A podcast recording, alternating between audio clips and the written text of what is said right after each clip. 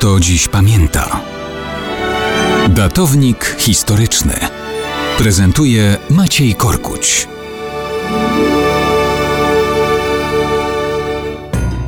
Mało kto dziś pamięta, że 15 września 1893 roku Francuz Auguste Charlois odkrył meluzynę. I to tę, która do dzisiaj krąży i wcale nie zamierza przestać. Kim jest meluzyna? Hm, to tajemnicza postać owiana nimbem legend i opowieści. Rąbka tajemnicy uszczknął w końcu XIV wieku Jean d'Arras, dworzanin księcia de Berry, hrabiego Poitiers. Spisał wszystko, co wiedział o pochodzeniu królewskiego rodu de Lusignan, pochodzącego właśnie od Meluzyny i jej męża.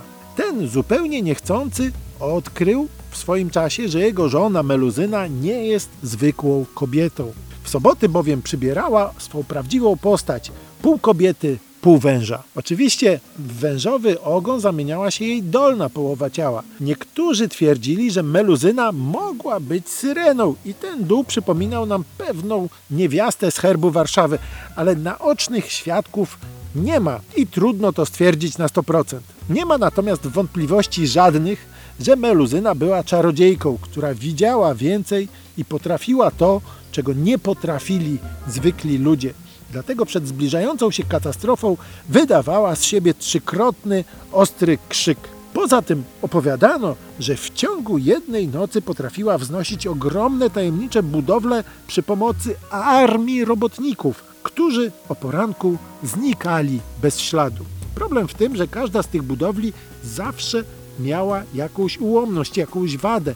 Podobnie jak urodzone przez nią dzieci. Sama Meluzyna po jednej z kłótni z mężem wyskoczyła przez okno z wysokiej wieży i w powietrzu do owego wężowego ogona wyrosły jej jeszcze skrzydła, co do dzisiaj widać na rozmaitych starych rycinach. No ale co się wydarzyło owego 15 września 1893 roku. Wtedy to francuski astronom Auguste Charlois odkrył planetoidę 373 z głównego pasa asteroid okrążających Słońce. Zakochany w starofrancuskich legendach nazwał ją Meluzyną właśnie. I ta Meluzyna do dzisiaj wokół Słońca krąży i wcale nie zamierza przestać.